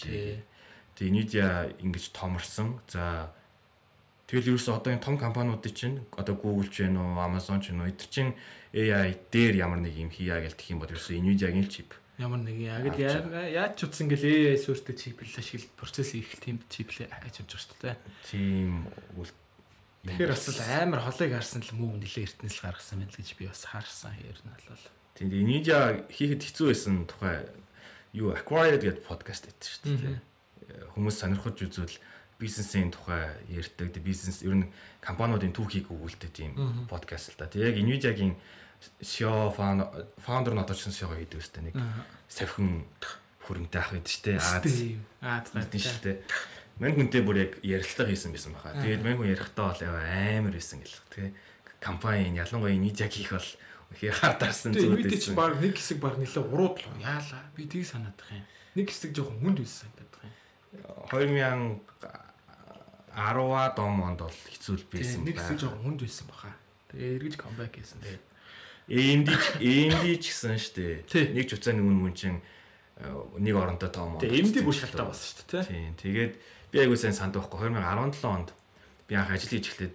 Тэнгүүд нөгөө ажил хийж гисэн юм чинь нэг компьютер моменттэй болчих бодож штэ.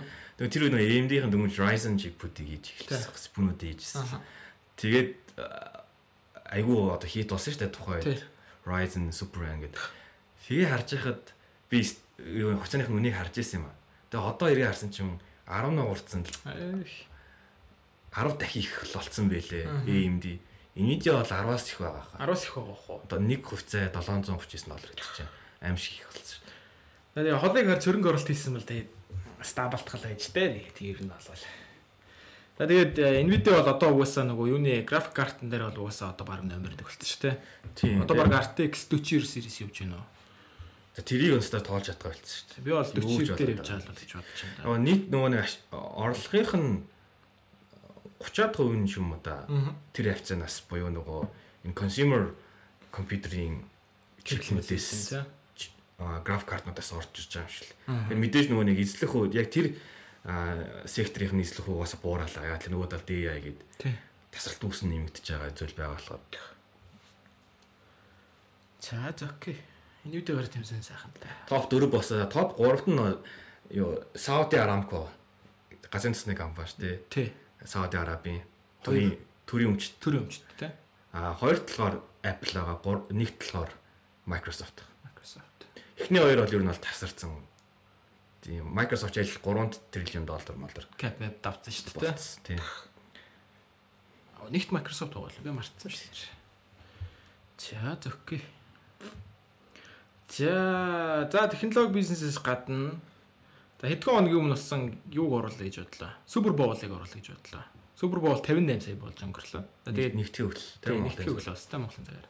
За яагаад ярих гээд байна гэхээр ер нь бол мөнгө мөнгөтэй холбоотой учраас ярьж байгаа. Яагаад яриад эхэлчихэ да тэгээд ер нь бол саяны Супер Боулын 58-ийн half time show-аар л Ашер одоо голчлон тоглосон шүү дээ. Тийм аашрын Ашрын перформанс байла. За тэгээ Ашрын тоглолтын одоо хамтарч орсон хүмүүс нь жишээ нь Алиша Кейс байла, Лил Джон байла, Лүрик Крис байла. Тэгээ Вила юм гэх мэтчлийн Тэгээ хойр гарч ирж. Тэгээ хойр гарч ирж өөрөөх боцол гитараар тоглосон тий. Тэр гитар тоглоогүй штэ наа чин гар өрөөд байна гэдэг юм ярьсан. А гэхдээ сайн гоё сонсогдчихлээ.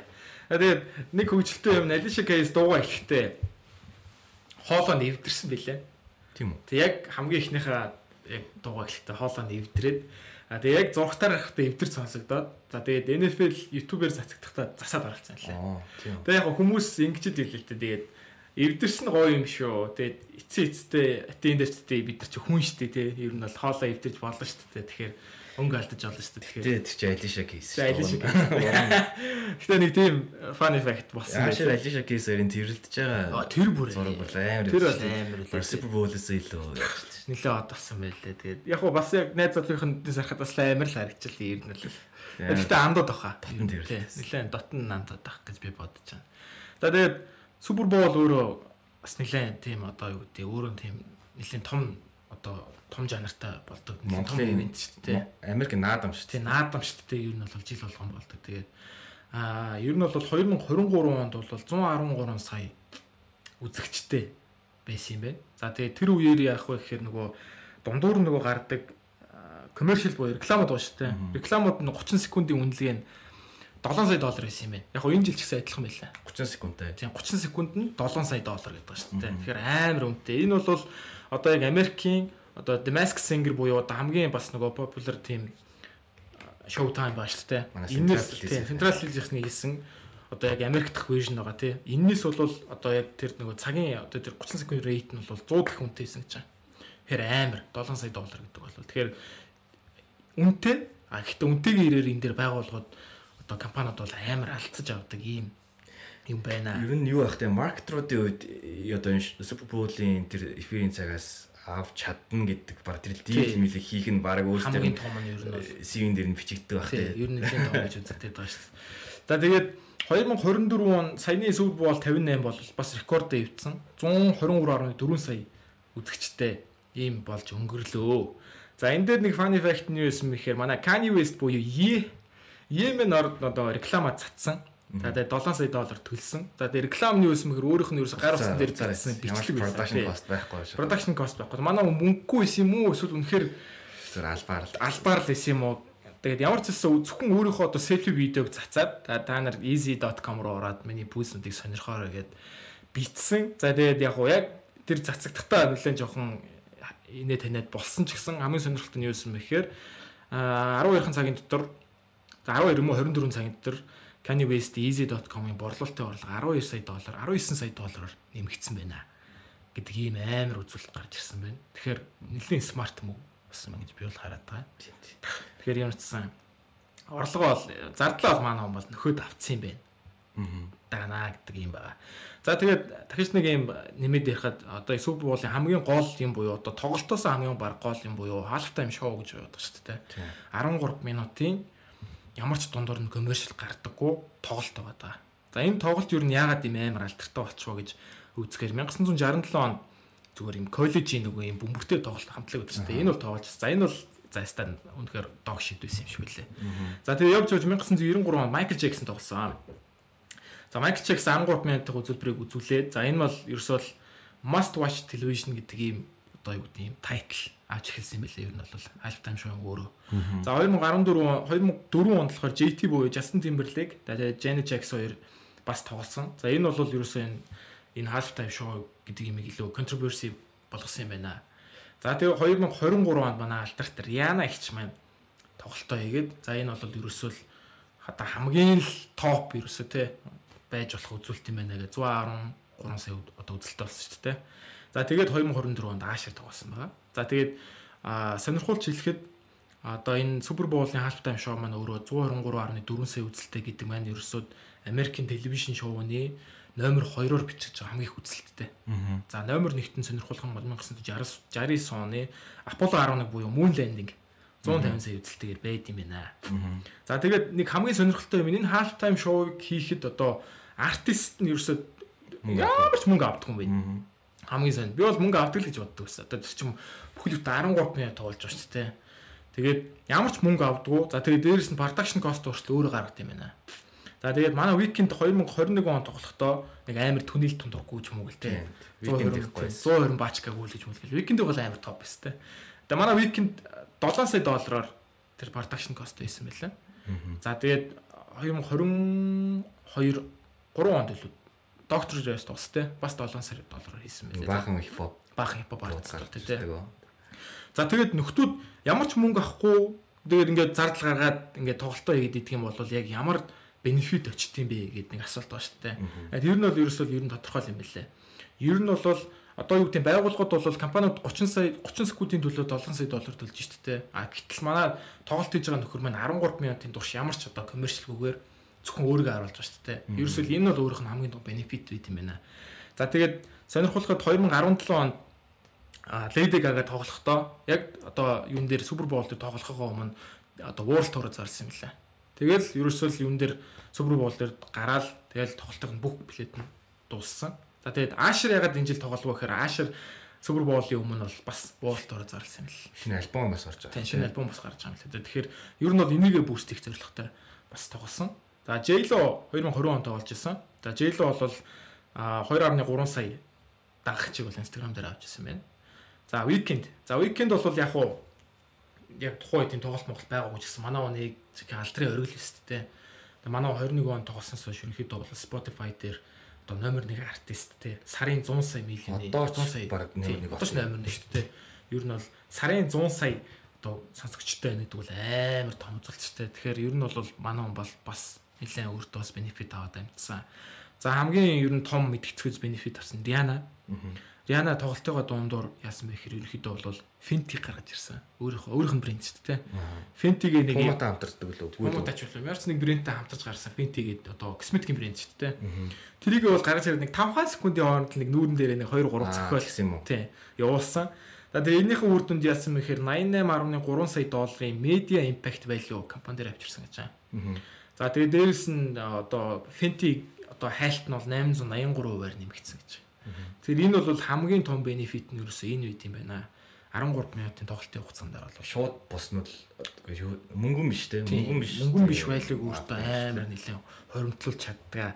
За тэгээд бид л тэ сая Аашрын тоглолтыг харсан чинь Аашр ч гэлтгүй ер нь Justin Timberlake эдрийн тоглолтыг ингээд үзэхээр амар бахархсан. Бахархан ч хайш шүтсэн ер нь бол 13 минутын турш ингээд дуулаад бүжиглээл ингээд хүү хаамаг хүйс мэсэн суугаал те. Мань хэд одоо нэг 2 минут гүүхэд л одоо яадаг үлээ те. Тэр идэхтэл 13 минутын турш ингээд бүтэн перформансыг ямар амар үзүүлж чинь тэгэхээр Надаа энэ жилийн performance жоохон сул санагцсан. Гэхдээ яг энэ сулуу сул Аашрын. шүү. Аашр бол Жоохон сул санагцсан. Тэгээ яг энэ Super Bowl-чаас ямар онцлогдсон шүү дээ. Taylor Swift Taylor байсан. Swift найз залуугаа дэмжих гэж ирсэн. Одоо чинь шууд амжилт чи үзсэн үү? Би үзсэн байхгүй Bowl. Тэгээд шууд амжилт үер хичнээн ч удаа Taylor Swift-ийг Гаргалаа гаргалсан. тий. Ерөөсө талбай дээр ямар нэг юм болол нэг л гаргаад Тий. байсан. Тэгээд ёо Канзасын баг 3 тудаага Super Bowl яг өмнөх түүх нь мэдэхгүй шүү дээ. Ямар ч сүүлийн үед бол 3 дахь авчиж байгаа. Түрүү жил авсан гэд back to back буюу 2 жил дараалаад Bowl авсан. За тэр багийн нэг од нь одоо Patrick Mahomes гээд quarterback нь байгаа шүү дээ. Mahomes ямар байсан бэ гэхээр коллежээс орж ирэхдээ амар хайпт орж ирсэн. Энэ бол тэг драфтын номер 1 ч лөө. Тэгээ энэ бол тухайн үед хийсэн грэмэрийн нас бүр амар өндөр дүнтэй гэрээ хийсэн шүү дээ. Тэгээд хайп нь бол ер нь LeBron James шиг л хийсэн л да. Тэгээд яг LeBron James-ийн хайпнд хүрсэн одоо мэрэгжлийн спортын тамирчин баг Mahomes LeBron хоёр л байх. Бусдын дээр драфтын номер 1-ээр орж ирэл фейлдтэй гараа зөндөө шүү дээ. Mahomes бол бүр яг хүлээлтэндээ хүрч байгаа. Тэгээд Тэгээ яг ийм dynasty баг үүсчихэж байгаа юм шүү. Энэ Kansas Chiefs гэдэг баг дотор ч ингээд энэ багч юу нэг NFL-ийг ингээд хитэн жил чинь ойлгох ингээд Тэнгүүч бод Mahomes-ийг чинь бүр давраа давруулаад Tom Brady-тэй тий аль нь бүх цав хамгийн агуу тамирчин бэ гээл тий Brady чинь бол 6 илүү 7 удаагийн Super Bowl-ийн авраг. Тэгээд Mahomes залуухан мөртлөө одоо 3 болчлоо. Тэгээ ер нь бол байж болох байх гэдэг байх Ер нь бол ирээдүй байж болох байх. Дээрээс нь NFL ч өөрөө юуг бодвол NBA-г чинь бодох юм бол маш цөөхөн тоглолт хийдэг. Жилд 16 мөр. Нэг өдөрт 16 тоглолтлоо хийдэг байхгүй. 7 хоногт ганц л удаа тоглож гинөө. Тэгээд удирдлийн өөрийнх нь урт нь айгу баг. Богинохон. Тэгээд 7 хоногт хийх тоглолтын тоо цөөхөн буюу э, ер нь тамирчтай ачаал харьцангуй гайгүй. Тийм болохоор Том Брэди энэ чинь нилийн нилийн өгшөндөө сүүлийнхаа сүбүүлэмлээ авсан шүү дээ. Өгшөө өгшөө хүмүүс тоглож идэг NFL дотор. Тэгэхээр Холмсын карьер бол угаасаа зөндөө урт байгаа. Гэрэлтэй хүн гэрэлтэй байгаа. Тэгээд Брэдигийн амжилтыг ер нь бол давтаж магадгүй л одоо хүмүүс тийм хөвдөө болцсон байлээ. Нэг хэсэг бол энэ хүний амжилтыг хинж давтахгүй. Энэ бол хамгийн агуу л гэдэгс. Одоо бол Mahomes байж магадгүй юм шүү л гэдэг яриатай. Чамд одоо ярих юм үлдлээ. За, Надад бол ярих юм одоо байхгүй тий. Би тэгээд ингээ гэж бодлоо. Леон Престер энийг энийг харсан хгүй. Нээлттэй 6 банкыг харьцуулах. Тэгээ Энийг би бас нэг дурдаад хэд дуусгах гэж бодлоо. За. Яагаад вэ гэхээр Хаан банк эхнээс нь дурдаа явчих. Хаан банкны нийт хөрөнгө 17 их 80 их 80 те чинь. За тэгээ ашиг нь 558 тэрбум 23 оны байдлаар шүү дээ. Сүүлэр хэсэг. Худалдаа хөгжлийн банк 12 их 80, ашиг нь 20 тэрбум. Голомт банк 11 их 80, за ашиг нь 181 тэрбум. За бусдын дуртад яг хоо. За тэгээд эндээс би яг юу хэлэх гээд байна гэхээр аа энэ банкны туулах зам бол их байна. Аа орон зайны хувьд бол нэлээд том орон зай бол хангалттай бас байгаа юм байна гэж харсан. Тэгээ туулах зам яагаад их вэ гэдгийг яриад байна вэ гэхээр би ингэхгүй юу. Энэ хөгжилтэй юм шүү зэ. Уржигдэр бид доош төлөжөр буухгүй юу. За. Торт авах гээд. Тэгсэн чинь миний урд зогсож байгаа хүн аа та төлбөрөө юу хийх вэ гэдсэн чинь мобайл дэ гэдэг ч байхгүй юу. За. Залуу хүн тэр бол Мобайл дий идчихвэл Тийм, мобайл дэ гэдэг нь бид за шилжүүлэх гэж байгаа юм байна гэж болгоод. Арай Тэгсэн өөр чинь- юм шүү Тийм, өөр. mobile Тэгсэн чинь төлөжөрөө ажилтан за та манай худалдаа үйлчлэн данс руу ичихээ тэхгүй юу? Тэгээд тэгсэн чинь нөгөө хүн чинь л царийн сонирн болоод ирвэ. Яна танаа таа магны данс байхгүй юу гэдэг нэ. Тэгэхээр би бас гайхчихлаа. Би ч мобайл гэхээ нэг тухайд бодоогүй. Ямар сони яга заавал хаан банк гэж юм бол гэсэн чинь уцаа гараад ирсэн ээ смартфон гохгүй юу? SMS. Тий. Уцаа гараад ирсэн ээ од 19 17 чагт гэдэм да. Залуу хүн штэ. Тэгэд би тэрийг харчаад аа, за за ер нь л тий ер нь бол банкны системд хийх юм бол зөндөө л байгаа юм байна. Гэтэ гэтэ зүгээр би наа чи аюу амар ашиглаа сурцсан үндэ багдуу аюу амархан юм шүү. Үгүй, тэгтээ- Ишээ тишээ логин моин. Яг нь ер нь бол тийм. Тэгтээ ер нь бас нэг амар хөмөгтөл биш үү ер нь.